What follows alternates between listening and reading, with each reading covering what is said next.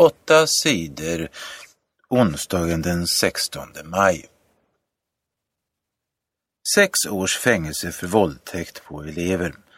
En 45-årig man har dömts för sexbrott mot två elever på en särskola.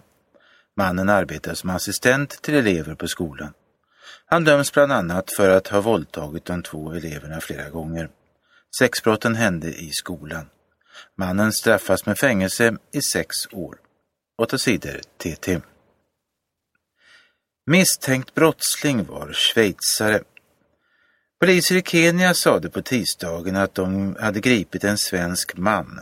Han var misstänkt för att samarbeta med terrorgruppen al-Shabaab. Senare på dagen kom poliserna på att de hade tagit fel. Den gripne mannen var inte från Sverige utan från Schweiz. Poliserna hade blandat, blandat ihop de två länderna. FN-soldater skadades i Kongo-Kinshasa.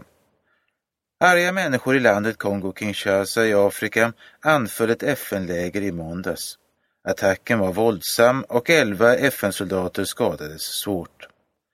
Byborna säger att FN-soldaterna inte skyddar dem mot banditgäng som härjar i området södra Kivu. Sex bybor dödades när rebellgruppen FDLR anföll byn i helgen. 8 sidor TT. Nytt val i Grekland. Nu får grekerna gå och rösta igen. Det ska hållas ett nytt val i landet. Det sade Socialdemokraternas ledare Evangelos Venizelos på tisdagen. De grekiska politikerna har i en veckas tid försökt bilda en ny regering, men de olika partierna har inte lyckats komma överens. Många politiker vägrar att spara så mycket pengar som EU vill, men de flesta greker vill ändå ha kvar euron och fortsätta vara med i valutaunionen EMU. Ledarna för EU säger att Grekland måste lyda och fortsätta att spara, annars kan Grekland tvingas lämna EMU. Ett nytt val kommer att hållas så fort som möjligt, säger Evangelos Venizelos. Inga nyheter på torsdag.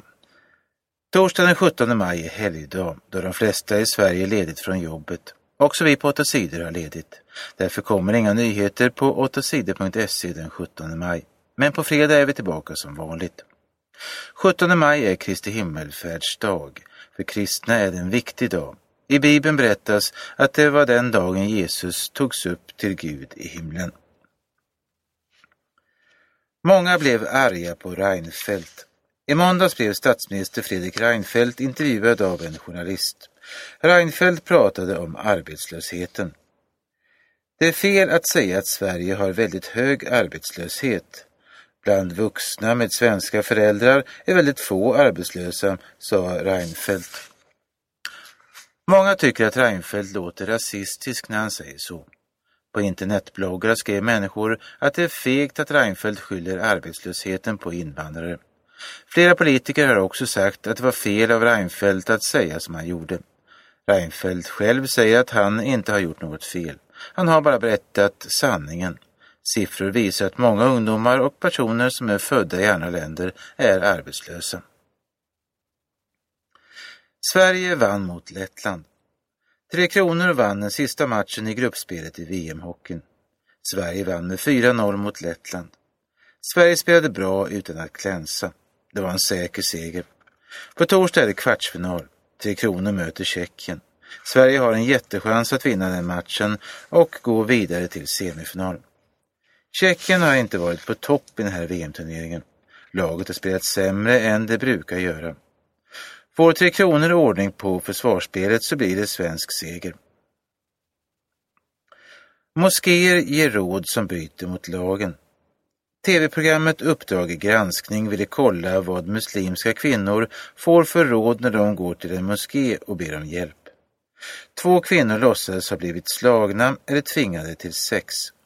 De gick till moskén för att be om hjälp. Kvinnorna hade dold kamera och bandspelare med sig. De spelade in vad imamen eller moskéns familjerådgivare sa. I sex av tio moskéer fick kvinnorna rådet att inte polisanmäla misshandel. Bara i två moskéer sa imamen att kvinnorna skulle polisanmäla misshandeln. I nio av tio moskéer sa imamen att muslimska män i Sverige kan gifta sig med flera kvinnor. Bara i en moské sa imamen att det är förbjudet att ha flera fruar. En imam i Uppsala sa att kvinnan skulle förlåta mannen som slog henne. Ge honom mer kärlek så kanske han ändras, sa imamen. Åtta sidor DT.